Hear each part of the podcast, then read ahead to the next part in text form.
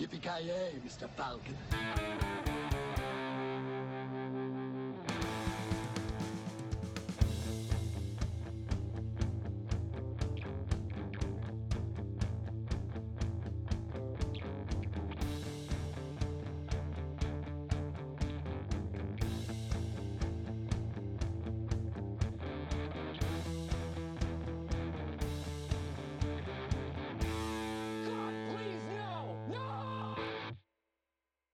Jajamensan gott folk, hjärtligt välkommen till avsnitt nummer 78 av Creative Metal Podcast. Ni har med mig Kalle. Joakim Granström. Joakim Avoya. Och Karl. What? At least you tried, at least you tried. Men då gott Fan vad folk. meta det blev. Jag bry, bryter den fjärde väggen så att säga. Herregud. Det här blev jävla Twin Peaks över hela avsnittet redan. Ja, precis. Jag, jag, jag, jag, drar tillbaka det. Jag vill inte bli förknippad med det. Kent heter jag. Alltså, om, om det är någonting du är förknippad med så är det det där pisset liksom. Att du försöker på att trolla i början av saker och ting. Hur som helst Ja. gott folk. Innan vi går vidare och håller på att pissa på Kent gällande den där så har vi lite taglines den här veckan åt er. Vi har även lite veckouppdatering som vanligt och sen så ska vi prata om filmen Anon som har släppts på Netflix. Men vi börjar i vanligt spår med Mr Granström Granström. Taglines, tack. Yes. Jag säger några taglines, mina medpodcaster gissar vilken film de kommer ifrån och vi börjar med den här taglinen. Pals forever. If they can get, if they can get past today. Dödligt vapen. Nope. Det känns som en buddy cop. 24 timmar. Tagline nummer två. Team, teaming these two up is anything but a diplomatic solution. Little Weapon 2. Uh, Avoy hade rätt där. Oh, Rush hour. Rush hour. Yes. nice! Klassiker. det var, det hade ju rätt med den buddy cop. Ja, typ buddy cop. absolut. Tagline nummer tre hade varit Two cop. One is all talk, the other is all action. Och eh, Ja, ja. Den, den som, ja, och den som jag kommer ihåg som det är den, eh, den fjärde taglinen. The fastest, ha- fastest hands in the east versus the biggest mouth in the west. Ja, kung. Ja, det Måste säga, att, eh, måste säga ändå att det är ganska bra passande taglines till filmen i sig faktiskt. Ja, ja, No. absolut. Okej, vi går vidare. Film nummer två, tagline nummer ett. What the one doesn't have, the other is missing. Rush Hour 2. Nope. Väx på det mörker. Väx mörker. Nej. Jinx. Oh, Jesus. Avoya, gissning? Uh, Änglagård. va? det är såhär Wallander. Nej, jag har ingen aning. Pass. Okej, vi går vidare till tagline nummer två. If they each had half a brain, together they would still only have half a brain. Ehm, Dumdummare. Ja, yes, exakt. kan ta det? Vad sa du?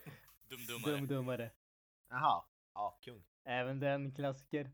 Nummer tre Ja, är ja. ju For Harry and Lloyd, Every day is a no-brainer. Jaha. Jag tror, till och, med vi har, jag tror till och med vi har haft den här på taglines innan faktiskt. Ja, jag tror Vi har, fan haft, vi har haft med filmen, dock inte alla tre taglinesen. Nej, det, det är sant. Ja, men med Harry och Lloyd där, det var ju lite, Rehashing. lite för lätt. Ja, Fan, börjar vi redan gå runt på alla filmer som har gjorts Exakt. alltså. Ja, det det är klart. är bara, vi har funnits så jävla länge den här podden. Ja, men alltså den här podden, den har ju gått ner i liksom poddhistorien som den första podden någonsin. Jag menar, det är ju inte konstigt att vi har liksom börjat gå på rundgång nu här. Nej, ja, det är bara att lägga ner. Det var tvunget att hända förr eller senare. Vi har pikat för. Ja, vi pikade innan vi ens började, eller sen- Det är, det är väl mer att vi är, det. är väl mer att vi är senila liksom, att vi har glömt bort vad vi pratar om. Jag tror mer att det är vissa delar av podden som är senil i så fall då kanske. Tredje avsnitt om Avengers Infinity War. Ja, precis. nu har vi sett den nya storfilmen. Om 20, om 20 år kommer vi sitta och prata om den. Det Vad blir fan med dig. Ja precis, det får bli en sån här typ eh, veckouppdatering om våra åsikter om Aven- Avengers Infinity War har liksom ändrats under den gångna veckan. Ja, ja precis. Jag har, jag har hunnit se om den fem gånger. Okej, Taglines. film nummer tre. Tredje och sista, sista filmen. Tagline nummer ett. Password accepted. Eh, Det är en sån här hacker-rulle typ. Hackers. Ja, ja. Nej. Pelikanfallet. Fan, jag kan inte någon hacker. Jag kommer inte på någon hackerfilm. Vad heter den med Justin Timberlake? Justin In Time Timberlake. eller något sånt där. Time. Mm. Det är ju samma regissör för övrigt som har gjort Anon Time. Jaså? Fy fan. Okej, tagline nummer två. Once you know the password, you can go anywhere. Tron. Nope. Fan heter där Tom Cruise för Minority Report? Nej. Kalle, någon gissning? Nej, alltså det där är så... Jag vet inte. Det, det låter så fruktansvärt vagt. Okej, tredje och sista taglinen. Log on, hack in, go anywhere, steal everything. Åh, Nej, vad fan. Så- Det känns som att man borde kunna det här. Det låter som att det är en sån jävla edgelord-film också. Fy fan. Alltså det, det, jag skulle inte säga att det är en Edgelord-film, men det är definitivt en film av sin era, om man säger så. Är det, inte så cyber, så är det typ cyberpunk-film? Nej, det, det, det är inte det är en hackerfilm, men det är inte en cyberpunk-film. Scooby-Doo in cyberspace. Ready Player One. Det, den, ingen kommer ihåg den här filmen, och kommer man ihåg den så är det av en specifik anledning. Visade det som ett virtual reality headset på biografen eller något. Nej, Black Cat. Smello, nej. vision. Kalle, någon gissning? Mm. Ehm, nej, jag vet inte. Vanilla Sky kanske, jag vet inte. Nej. Okej, jag ger er svaret. Filmen är ju då Swordfish från 2001. Ah. Hugh Jackman i huvudrollen och orsaken till att någon överhuvudtaget skulle komma ihåg den är ju för att Halle Berry ju Berry. brösten i den. Spelar inte Hugh Jackman golf naken också eller? Eh, jag har ett vagt minne av det, men jag ska inte svära på det. Ja, många höjdpunkter. Nej, Fan, det är ju värt, det är värt att se det. Varför Måste göra lite research innan du kommer, kan komma tillbaka till oss om det. Undrar om Hugh Jackman har en adamantium penis. Ja, de Ja, fan vi får ta det. ingen, Viagra där liksom inte. Kan, ju, kan ju inte vara så jävla hår- trevligt om den är så här bokstavligt talat hård som metall dock. Ja. Om inte annat så måste det vara jävligt kallt.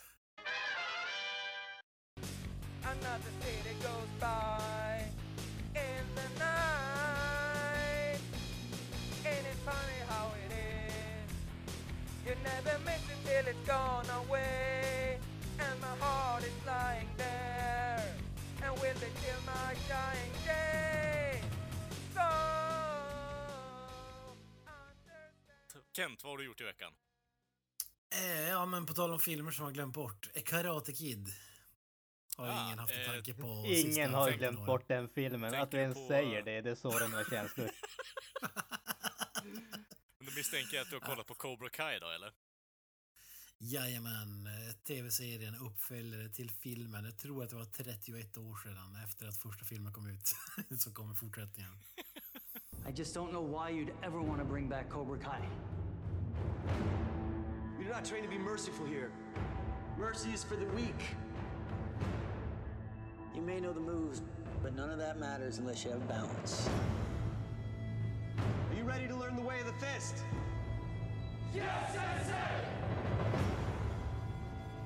Johnny, you and I, this, we aren't done. Eh, vi har ju snackat om det här lite grann. Det var ju, den sänds ju på Youtube, eh, Red eller vad det heter. Ja, har du pungat Kostar ut pengar men, eller? eh, Nej, första två avsnitten är faktiskt gratis, öppet för, eh, för everybody. Så jag har sett de två första avsnitten av den här nya serien. Fy fan. Eh, ja, så, så det är ett tips. Det är, det är värt att kolla in. Och jag måste faktiskt säga att jag överväger att skaffa abonnemanget bara för att se klart den. För att det var rikt, riktigt bra inledning måste jag säga. De, de, har, de har ju vänt på det där. Eh, Ralph Macchio, han var ju hjälten i för, första filmen och eh, William Sabka då var ju hans rival. Men här har ju... den, den, den som inte minns Karate Kid, det var ju en, en unge som blev eh, mobbad av eh, snubbar som tränar karate och för att hämnas så tog, tog han Mr Miyagi till hjälp. Och slutade med att de gick en eh, karateturnering mot varandra där hjälten vann via tranan så att säga. Ja. Han kastade en fågel på motståndaren. Exakt. Ja, Kan vara Och, för, eh, för övrigt vara, innan, alltså, vi- innan jag går vidare, så det kan för övrigt vara den fulaste avslutningen på en film någonsin. Han går ju rakt in i sparken, jävla idiotjävel.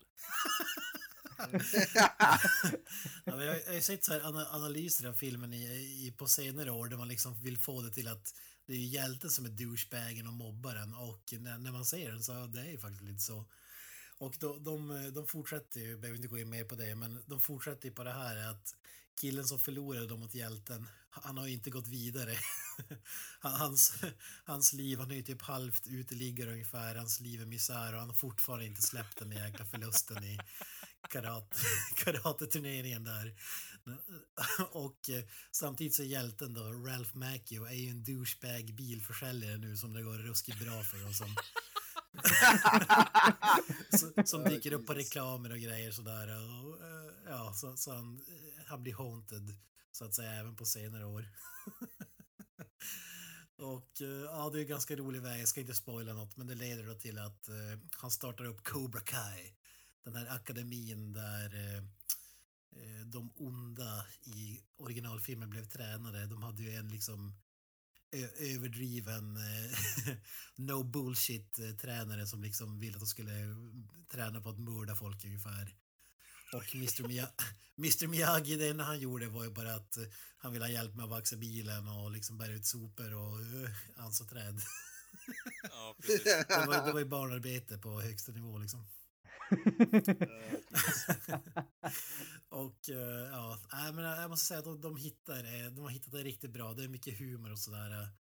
Eh, Det är väl Hot Tub Time Machine som jag tror att den som skriver manuset har gjort bland annat. Jag tror det är något Harold Kumar-aktigt också.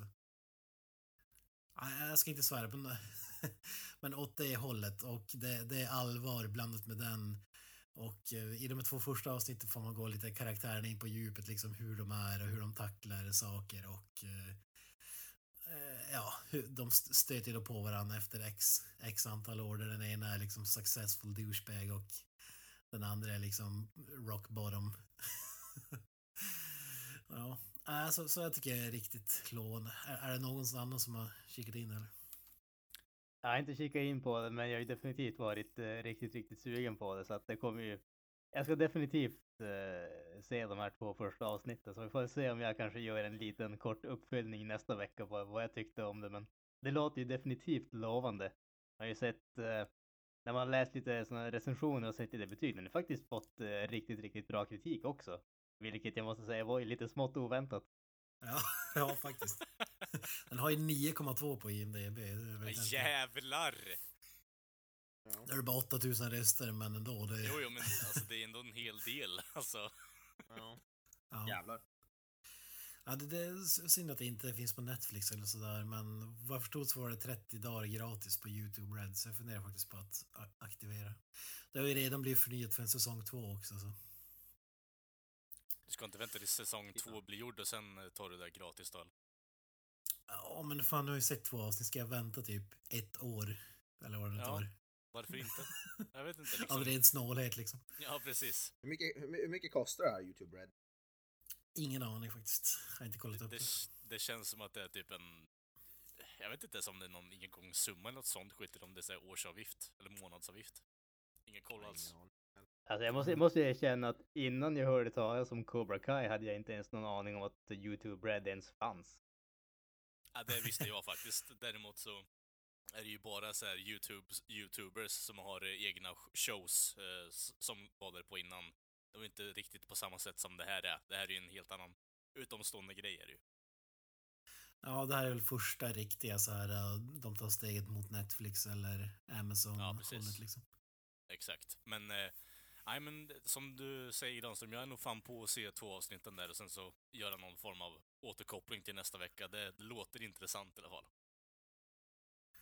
Ja, jag tyckte det är både humor, allvar och liksom eh, härliga flashbacks till, eh, till den gamla filmen liksom. Varför? Alltså, jag, jag får in en så bra reklam in i huvudet när Ralph Macchio ska sälja en, eh, alltså, bilar alltså. Det, det, det låter så bra i huvudet alltså. Det, Ja, men det bästa det är i början av filmen, det är klockrent också. Alla kunder får ett eget bonsai-träd. Snälla säg att han har en så dålig jävla typ 80-talsfont på reklamen också, typ som, eh, alltså, som en jävla scam liksom. Bara, Come to Ralph, Ralphs uh, fucking car lot, liksom. I'll give you a bonsai tree for free. Exakt så är det. Nice, nice. Ja, det är klockrent. Ja, jag älskar motivationen också till att eh, starta gymmet liksom. Ja. I fucking hate that guy. I have PTSD from 31 years ago, liksom. When he kicked me in the face. Ja, ja, det, det lutar väl att de två blir...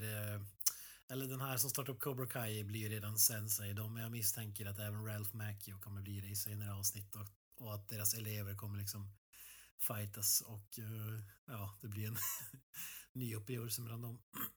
Och sen säsong, säsong två kommer det att bli liksom All-Star Team-Up när de går ihop och tar sig an ett nytt hot som kommer att börja ta över karatevärlden.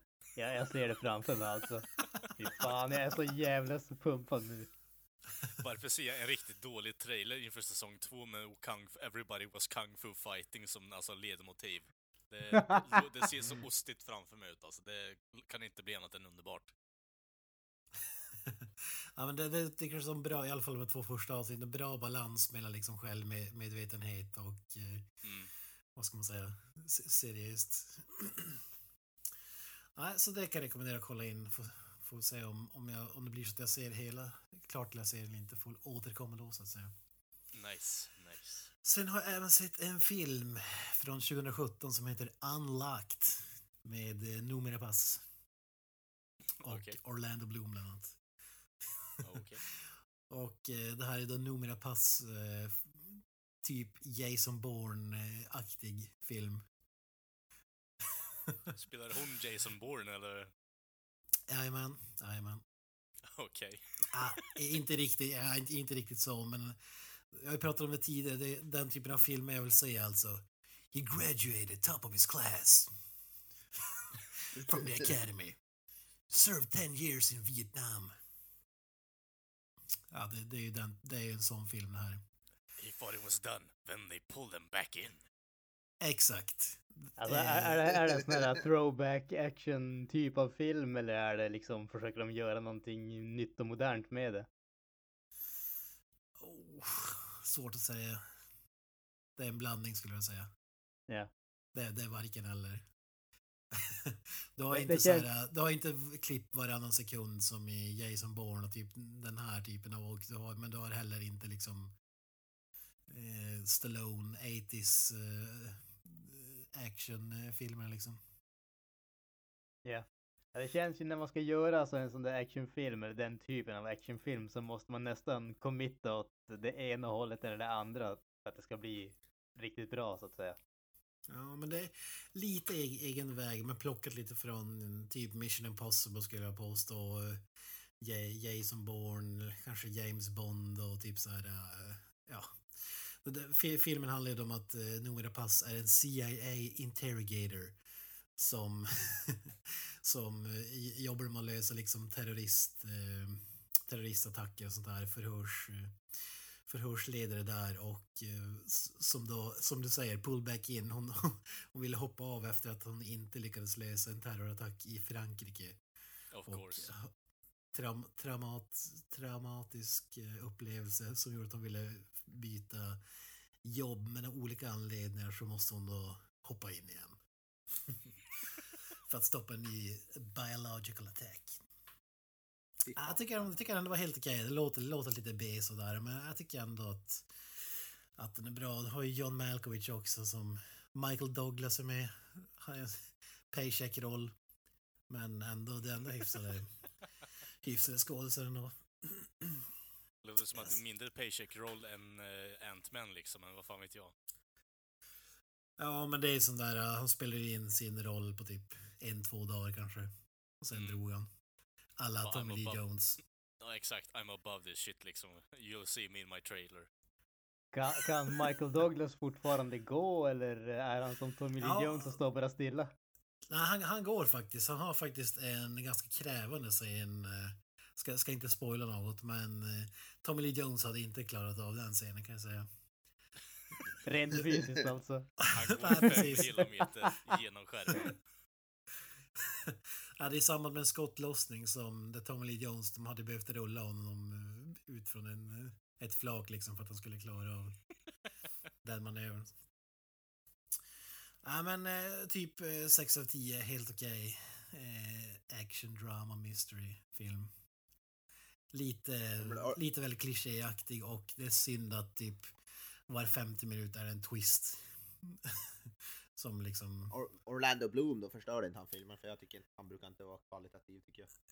Han, han var, jag tycker han passar i den här rollen faktiskt, men de, Ja. de tar ett beslut med den karaktären som gör att så, ja, hans karaktär blir inte så bra som hade kunnat bli. Så som sagt, allting är en twist och den twisten är sjukt långsökt i... Var det sådär som man ser, alltså som man så, eh, kommer på typ halvvägs genom filmen? Att den är så dålig, eller så lätt att lista ut så att säga. Ja, alltså det, det var ju inga av de här twistarna är ju liksom jaw-dropping moments utan så, som du säger, det är liksom när, man ser en film så här tänker man ja men han är säkert ond, han är säkert ond, han är säkert ond, han är säkert god. Alltså typ, och så har du varenda gång du tänker så så är det typ så. Alltså för att det är så extremt många sådana turns, twists and turns. Kort fråga bara. Eh, Eh, mm. hur jaw-dropping är svengelskan i den här filmen då? Faktiskt bästa engelskan jag hört från Norepass hittills, måste Ja, jag fan säga. imponerande. Eh, långt ifrån perfekt, men du har inte den där att det låter som någon rysk... Eh, Nej, det är inte bright, det är inte bright eh, nivå på det liksom. nej, det är inte Prometheus-klass, utan... Eller Sherlock Holmes. Sherlock Holmes tror jag är den värsta. Nej, men här, här är det, det... Det är tolererbart i alla fall. Jag håller med, det har ju varit bedrövligt liksom. tidigare. Ja, absolut. Men det är bra att man kan utvecklas åtminstone. Ja, kudos, kudos. Yes. Ja, det är väl det jag har sett i veckan. Mr Granström, Yes, vilket, ob- ja. vilket obskyrt band ska du framhäva idag? Ja, Jag? exakt. Ja, precis. Givetvis ska det vara ett band som Kent inte har hört talas om. Om han har hört talas om det så vore det ju ingen poäng med hela den här biten. Eh, Men bandet i fråga är ju då Kemuri, ett japanskt eh, ska slash punk slash eh, rockband Ja, som är... ja. Det var nästan läskigt hur spot on Kalle var med sin prediction alltså. Ja, fan. Du, alltså, du skulle veta att det här är förmodligen det bandet som jag har flest skivor av. Jag tror jag har, jag har 13 skivor av dem, jag har fyra live-DVDs och en Blu-ray, så att... eh, Kimuri Alltså fin, de, eller? finns, det här bandet, finns det här bandet på riktigt eller har du bara hittat på eh, namnet liksom? Nej då, de, de finns på riktigt. De har eh, spelat in din funnits sedan musik. 1995. Fy fan. Yes, Tips, riktigt du borde kolla in Notorious MSG om du inte har kollat in dem. Ja, de är ju klassiska, men de finns väl inte längre. Det var då jävligt länge sedan man eh, såg någonting nytt från dem, typ 10 år eller någonting åt det hållet. Sjukt bra. Ja, det var ju fantastiskt kul. Det, det är ju typ eh, komedi-rap från ett eh, gäng eh, kineser som typ driver med eh, allt vad rapkulturen har att erbjuda så att säga.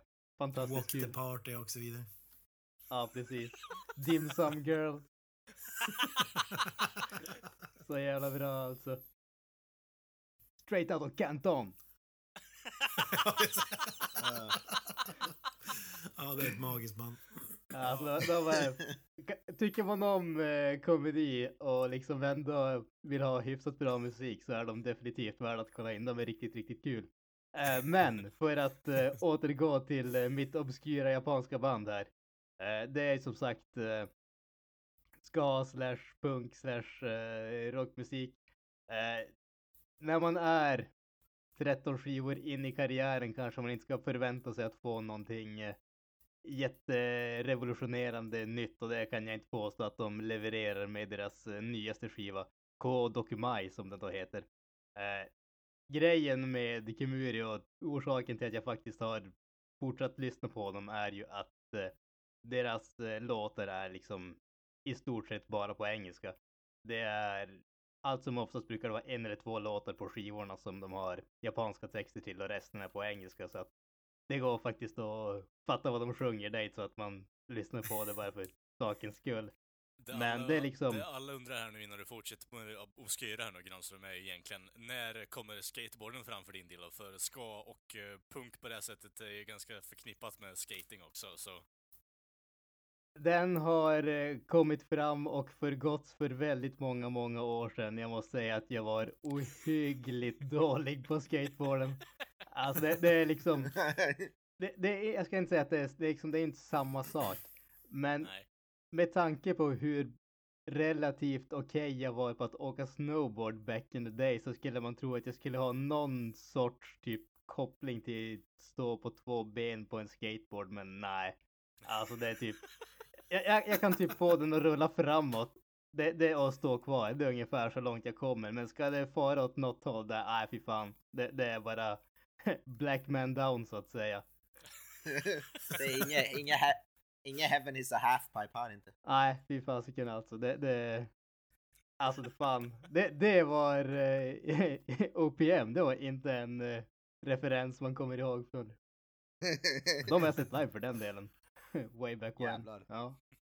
Att de ens har spelat live förbluffar mig. Och jag ser framför mig Granström med bak och, vän, bak och framvänd keps och eh, dreadlocks, eh, eh, hängbrallor och sen på en skateboard på väg till skolan alltså. Ja, exakt. Ja, det, det, det vore någonting det alltså. Fy fasiken. Och så har han Tony Hawks, eh, sound, Tony Hawk 2 Pro Skater liksom soundtracket i Walkmanen liksom, så lastar han ner i halfpipen där. Ja, Sony Walkman. Ja, bokstavligt talat, jag, jag, jag, last, jag, jag ramlar ner i halfpipen men jag kommer aldrig upp igen på andra sidan. Ja, och det hör man bara... Ja, det var väl lite det som var mitt problem, så att säga. Du kommer upp med ambulanshelikopter liksom.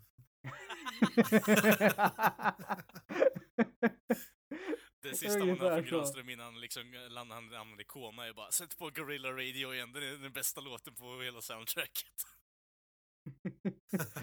Vart är mitt Green Day kassettband? Do you have the time?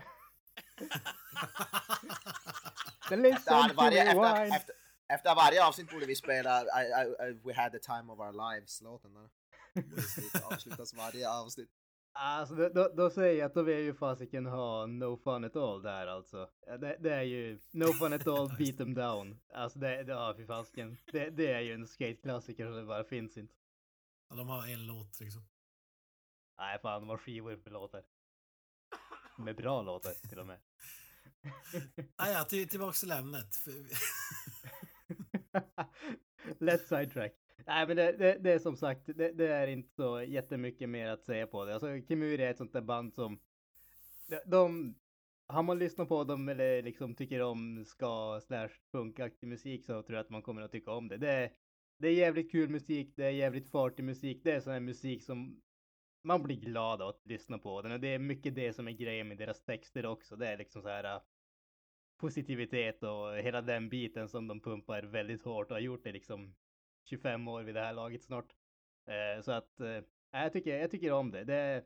Det här är inte deras bästa skiva, det är inte deras sämsta skiva, utan det ligger någonstans där i, i mitten så att säga. Så att jag skulle ge den en ganska, en ganska klar 7,5. Alltså det, det är definitivt värt att lyssna in om man tycker om den här typen av musik, men tycker man inte om den här typen av musik så lär det här inte vara den skivan som vänder en så att säga.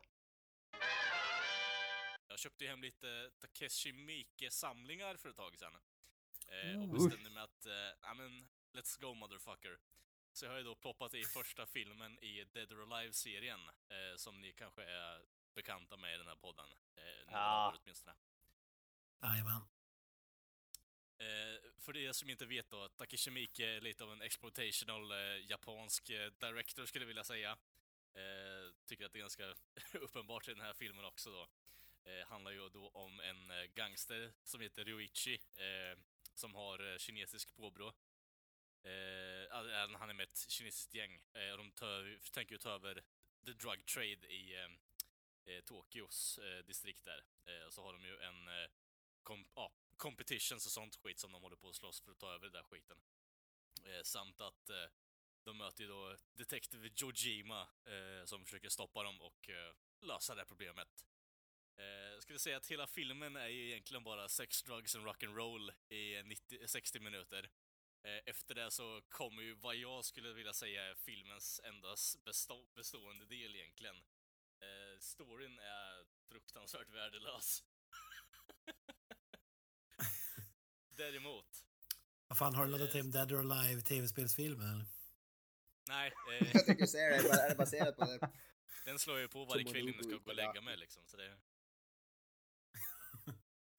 Men hur som helst då, det som eh, jag tycker är bestående med den här filmen är ju då den här sista, the conclusional scene. Eh, det, vi börjar eh, scenen, eh, för er som, jag kommer köra spoilers nu för er som inte har sett den, skitsamma. Eh, ni kan hoppa fram typ kvart. Eh, det som händer då är Så att vi börjar ju då med en chicken race. Spoiler alert! Spoiler alert! Spoiler alert! Gangsten springer ju upp bilen efter ett tag där. Eh, utifrån askan på den bilen så klättrar ju den här jävla konstapeln ut då och eh, börjar skjuta mot gangstern eh, med en pistol. Eh, och gangstern drar då fram en, eh, en rocket launcher. Eller om det är detektiven. För det som händer därefter den då är ju the fucking mass implosion av, av jorden när de här två slår ut sina egna krafter. Jag tror det är gangstern som drar upp eh, någon form av magisk energiboll ur fickan och börjar liksom ladda upp sen och kastar mot uh, konstapeln som gör något minst lika fucking whacked out uh, för att stoppa honom. Uh, det här är ju... filmen slutar ju bara med att det är stor jävla chockvåg och jorden exploderar i stort sett. Så när jag tittar på den här collectionen och ser bara hmm, ett och, två och tre också är inkluderat i den här filmserien. Vad fan ska man göra med den här tvåan då? Eh, så jag är lite nyfiken på att se vart de tar det här egentligen, men annars så tycker jag att det, det är en intressant film, men det är ju bara för att slutscenen är det som har fastnat i minnet för mig. Jag vet inte, Granström har ju lite bättre koll på Takeshi Miike och lite mer invävd i hans eh, sätt att skapa film på. Va, du har sett filmen eller? Jag har sett filmen för eh, extremt eh, länge sedan. Men alltså det är ju, det är ju, det, det är ju lite grann hans grej också. Alltså, speciellt de här lite, mer, de lite äldre, lite mer experimentella filmerna som han har gjort. Där är det, alltså att söka efter en röd tråd, det är liksom noll i en höstack. Ha- Han är ju, han är den som gör vad fan han vill och ganska ofta är ju det också behållningen, just att man har ingen jäkla aning om vad som kommer. Och det är jävligt underhållande men samtidigt gör det ju också att filmerna är extremt ojämna. Det finns Ja. ju filmer där liksom halva filmen är helt fantastisk och då sen gör han bara någon sån där riktig jävla skitmysko-grej och liksom resten är liksom man sitter som ett frågetecken och bara fattar inte vad som händer. Och liksom, det, det är ju lite grann det som är, alltså han är ju en sån som verkligen kan man, man, man känner värdet av att upptäcka filmen på ett sätt som man kanske inte gör så mycket idag. För allting känns så slätstruket och liksom mass audience producerat så att säga. Mm. Med han så vet man aldrig vad man får och liksom man kan som sagt man kan se halva filmen och tro att okej det är det här man, det är det här som är den här filmen. Och sen får man sån där riktig curveball och så ändras allting. Ibland till det bättre, ibland till det sämre men ja. Det, det är liksom galenskapen är både underhållningen och svagheten i det.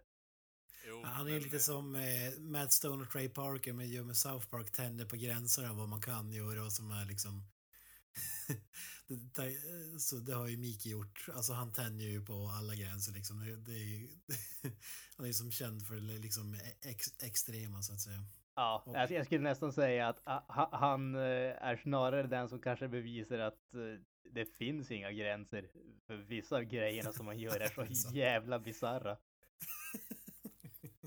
Ja, alltså... han, han är ingen så här djup filmskapare men eh, när, när det kommer till så här underhållning och eh, framförallt eh, visuellt så är det ju oftast en, eh, en upplevelse. Kanske inte på senare år men det är väl mer Ja, den fast- här tidsåldern. Ja, fast jag håller Ja. inte riktigt med där heller faktiskt när du säger att han inte är en djup filmskapare.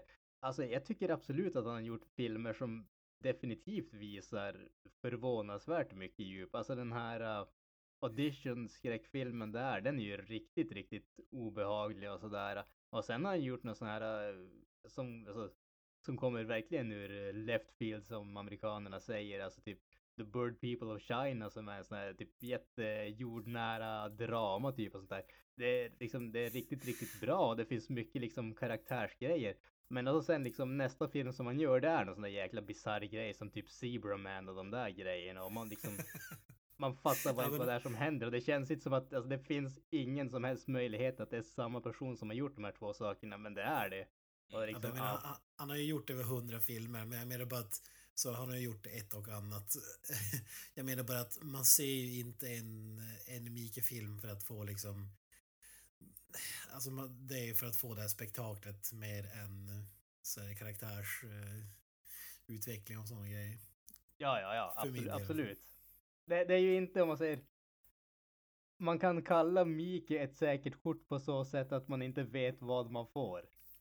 Men det, går, det kan liksom, du, du kan inte se en Mike-film och bara efter det säga att liksom okej, okay, du kommer att vara ett Mike-fan på samma sätt som har du sett en Tarantino-film så vet du att du kommer tycka om allt annat han gör ungefär. Ja, Nej, men det, det, jag får samma intryck där egentligen, för jag har ju, eh, alltså de, det jag känner till är ju eh, den här Dead or Alive som jag såg. Eh, sen så har jag säkert sett ett par stycken mer, även om jag inte känner till det, för jag brukar inte kolla på regissörer och sånt. Men, eh, ja, den här, vad fan heter den? Eh, Blade, Blade of the Immortal-filmen var ju helt okej okay, tyckte jag ändå. Uh, så det är så bara, det är två som väger upp eh, mot ena och andra hållet nu egentligen. Så det, det kommer bli intressant. Ja, just det, Itchy the Killer såg jag också, den var jävligt bra.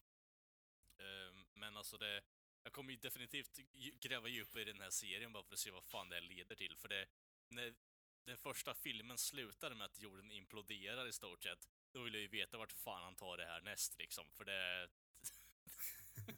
Men om man minns rätt så får du väl inte se det, du ser bara en stor smäll och så sen... Eh, That's it.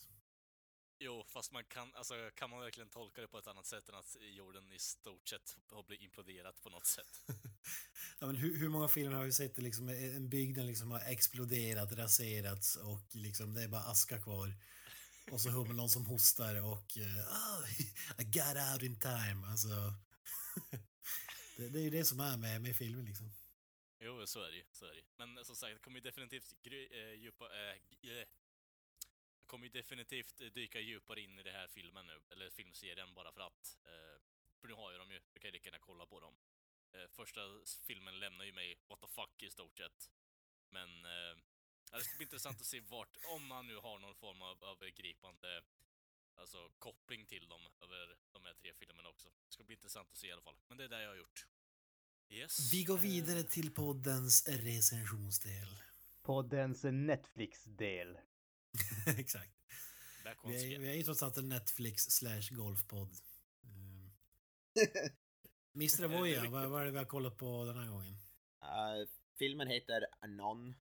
Jag antar att det är någon typ av förkortning för Anonymous. Uh, en, en ny Netflix-rulle då som sagt, regisserad av, som vi pratade om tidigare, samma regissör som har gjort den här In Time med Justin Timberlake och Amanda Seyfried. Som även är med i denna film. Uh, och ja, vad heter han? Andrew Nichol eller något sådär.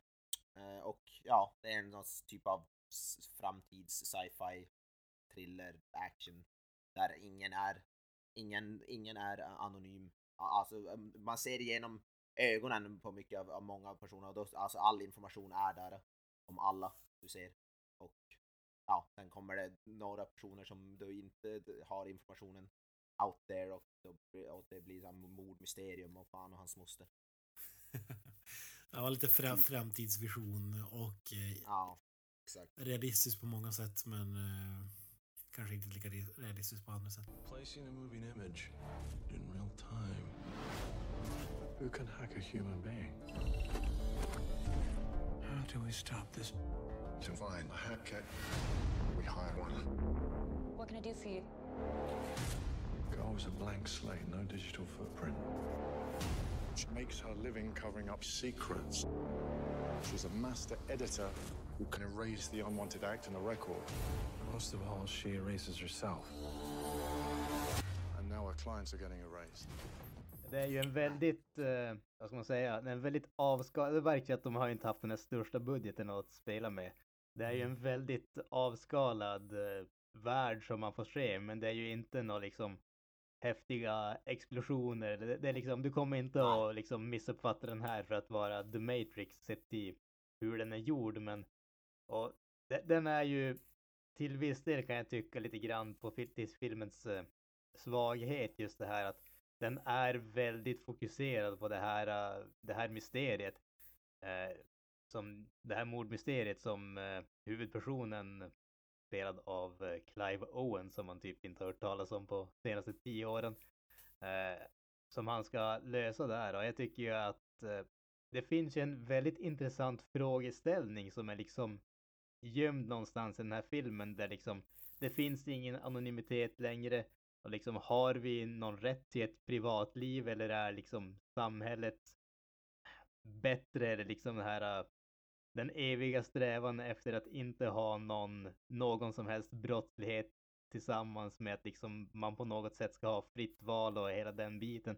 Jag tycker att det finns liksom vissa intressanta frågeställningar som man kan göra utifrån premissen som filmen har, men den är väldigt fokuserad på just det här mordmysteriet. Det känns som att den, den ställer aldrig riktigt de där frågorna, utan den just premissen här är att du aldrig har någon anonymitet. Det blir aldrig egentligen djupare än att eh, man kan använda det till att lösa det här mordet, att göra det till en backdrop för hela mysteriet i filmen. Man gör ingenting större av det. Ja, det känns som att man- vill bara vad heter det, skildra den här berättelsen då i det här universumet snarare Ja. än hur, var, varför är det här bra eller dåligt. Utforska de bitarna. Ja, precis. Men om man ska utgå ifrån vad filmen faktiskt visar istället för vad den eh, inte visar eller vad den inte är, så jag måste säga att jag tycker ändå att det var en, en helt okej film. Det är ingenting som är liksom omvärldsbrytande på något som helst sätt. Det kommer inte att göra någon, någonting som är jättenytt, men jag tycker att den liksom det är en helt okej film som är snyggt gjord. Det är bra skådisar överlag. Jag tycker att den, den har ändå liksom, jag tycker karaktärerna är bra och sådär. Jag tycker faktiskt om eh, Clive Owen. Jag har, han har ju gjort några sådana riktiga storfilmer och sen så har han som försvunnit. Jag tycker ändå att ja, det man ser att han gör i den här filmen tycker jag ändå att, jag menar, han är definitivt en leading man. Alltså han klarar av att behålla, om man säger det, ha den vikten på axlarna utan problem. I alla fall i den här filmen tycker jag. Jag tycker han gör en bra rollprestation. Ja, ja, Clive Owen tycker jag inte är problem till filmen. Alltså, jag tycker däremot de här delarna där, eh, jag vet inte om jag sa det i inledningen, men man får det är mycket första persons perspektiv i den här filmen eftersom att om man är polisutredare så kan man liksom eh, bara kliva in i någon annans eh, minne, eh, spola tillbaka och se vad som hände. Till exempel ja, men, person X mördades 23.30, då spolar man tillbaka till 23.30 och, ser vad den personen såg genom dens ögon. och jag tycker att de bitarna är ganska, sega, så här mycket text och man har liksom ett robotöga alla Terminator där liksom allting så här analyseras och ja, de bitarna tyckte jag var lite sega och jag tyckte inte om första persons perspektivet men men i, i övrigt eh, tycker jag att det var en, en helt okej film alltså. Tycker, tyckte också om eh, Clive Owen och både hans insats och karaktär. Ja, jag håller med. Jag gillar, jag gillar, jag brukar, jag gillar Clive Owen. Jag tyckte han var väl det, det, som jag gillade minst med den, han var väl eh, hon Amanda Seyfried. Hon kändes inte så trovärdig som en badass hacker tycker jag. Det, det för fem öre faktiskt. Det var väl den största svagheten. Men jag gillade själva idén med filmen och jag gillade de här delarna man såg alltså från, eh, genom ögonen. De såg, det kom upp så här massa text och grejer. Jag tyckte, jag vet inte, jag gillade. Även om vissa av de här first person scenerna såg lite förjävliga ut. Man såg pistolen peka ut från underkanterna. De såg lite dåligt ut. Men jag tyckte också en helt okej, helt okej rulle faktiskt. Varken mer eller mindre. Nej, men eh, den här filmen tycker jag den är lite ojämn, lite tråkig här och där och eh, jag förstod liksom inte logiken alltid i de här eh, om en hacker kunde se eh, Clive Owens karaktär, det är väl ingen spoiler att säga att han, han ska försöka få tag i henne eh, för att hon det hon gör är liksom olagligt i statens ögon. Man får inte vara anonym. och man, man skapar liksom mm, en fake eh, fake minnen åt honom för att hon inte ska bli eh, suspicious och att han ska bli avslöjad direkt och då tänker jag att kan man liksom hacka människors medvetande och sådär så borde man kunna se om det är liksom fake minnen som sträcker sig bak en Ja, fast hon säger- Nu säger, hon säger ja, det säger att hon har en så här hederskodex, alltså hon inte går längre bak än typ vad som krävs för att radera. Det är folk som betalar och vad de vill få bortraderat. Till exempel jag mördat person X. Då, då kan jag lägga henne och eh, att hon liksom raderar det från mitt minne. Då kan jag inte fällas för mordet. Men det är, också, det är, jag tycker det är lite väl enkel väg, enkel lösning på problemet så att säga. Alltså jag, jag förstår hur du tänker, men samtidigt tycker jag ändå att de, eh, de etablerar det ändå tillräckligt bra i filmen. Att hon liksom, hon säger ju att hon kollar aldrig tillbaka och så påpekar hon att det gör inte han heller. Och sen så, ska man inte spoila det, men det, det händer ju två gånger, eller den andra gången så vad heter det, så fallerar ju det hela för att de var tvungna att stressa fram hans eh, minnen så att säga. Det är ju, så att ja, det, det var heter det. Jag tycker ändå att de underbyggde den biten helt okej. Det som jag aldrig blev riktigt klar över, det är ju huruvida de kunde höra ljud i de här inspelningarna eller inte. För det var som att ibland så verkar det som att de kunde det, men sen så pratar de som att de inte kunde göra det ibland tyckte jag. Jag vet inte. Ja, Den biten var blev jag aldrig riktigt klar på. Nej. Jag tror när det passade filmen kunde man göra det. och tvärtom. Ja, Förmodligen var det väl så. Ja. Jag förstod inte det här med att de kunde se vad det var att alla hade inbyggda robotögon eller var det något chip inplantat i hjärnan. Hur fan funkar det? Det tyckte jag aldrig heller. Aldrig heller Ja, det får man aldrig någon förklaring till. Man, det enda de säger är ju att liksom alla har det här och liksom det Ja. finns ingen anonymitet längre. Och det visar de ju ett ställe också där det liksom en, en man ser från en bebis perspektiv så att det, det är ju det är ju då redan från födseln i stort sett vad det än är som de gör så att säga. Deras ögon är Facebook nu i våra mobiler kan man säga. Typ. Spelar in allt Alltså, vi men det är ju det, det- och... Ja. Nej, det är är the future. Den här, den här filmen är nog ganska nära på hur det kommer se ut i framtiden alltså. Ja, tyvärr så är det inte omöjligt. Skrämmande tanke. Nej. Ja, men eh, avslutningsvis, ska vi sätta betyg på den här och eh, slutord eller? Granström? Absolut. Behöver vi, eller behöver vi snacka några spoilers eller? Nej. Är det o- o- oväsentligt? Nej, ingen kommer ändå se den här filmen så vi kanske... Nej, precis. Avoya, ett betyg. Jag sätter en... ja, Strax, jag vill inte sätta en full sjua, men kan man sätta, om vi sa, Kent gillar ju de här decimalerna, vi ska säga en 6,8.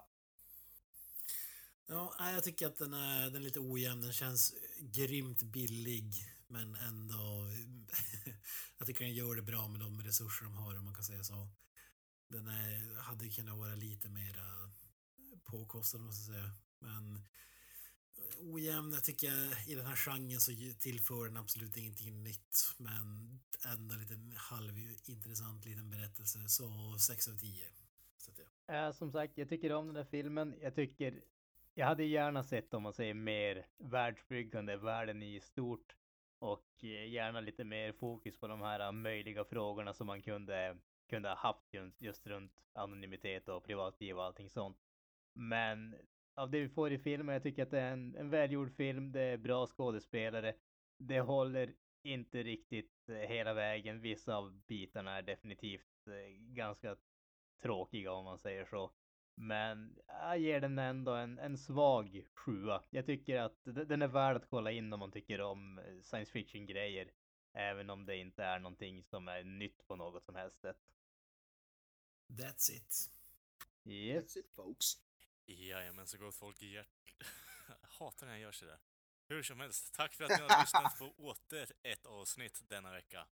Ni hittar ju som sagt oss på sociala medier. Eh, Allt ni behöver göra då, eh, det är på Facebook, Twitter, Instagram, ja, Spotify, YouTube, allt möjligt. Allt ni behöver göra för att hitta oss där, det är bara att söka på Creative Grindr. Podcast.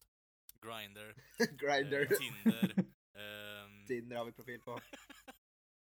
eh, försöker komma på någon bra Pornhub. porr... Ja, exakt, exakt. eh, Pornhub. Eh, Hamsterpaj.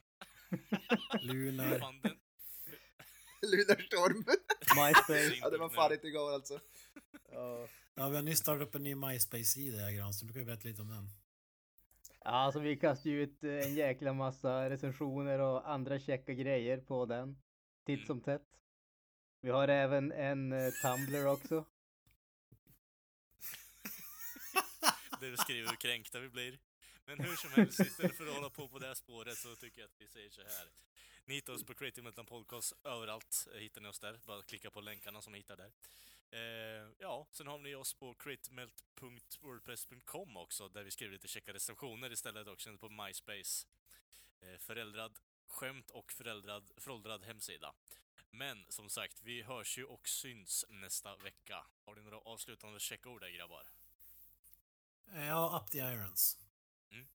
Peace. Hail Satan. Adios. From the coast of gold across the seven seas, I'm traveling on far and wide. But now it seems I'm just a stranger to myself and all the things I sometimes do. It isn't me but someone else. I close my eyes and think of home. Another city goes by in the night. Ain't it funny how it is? That's it, man. Game over, man. It's game over.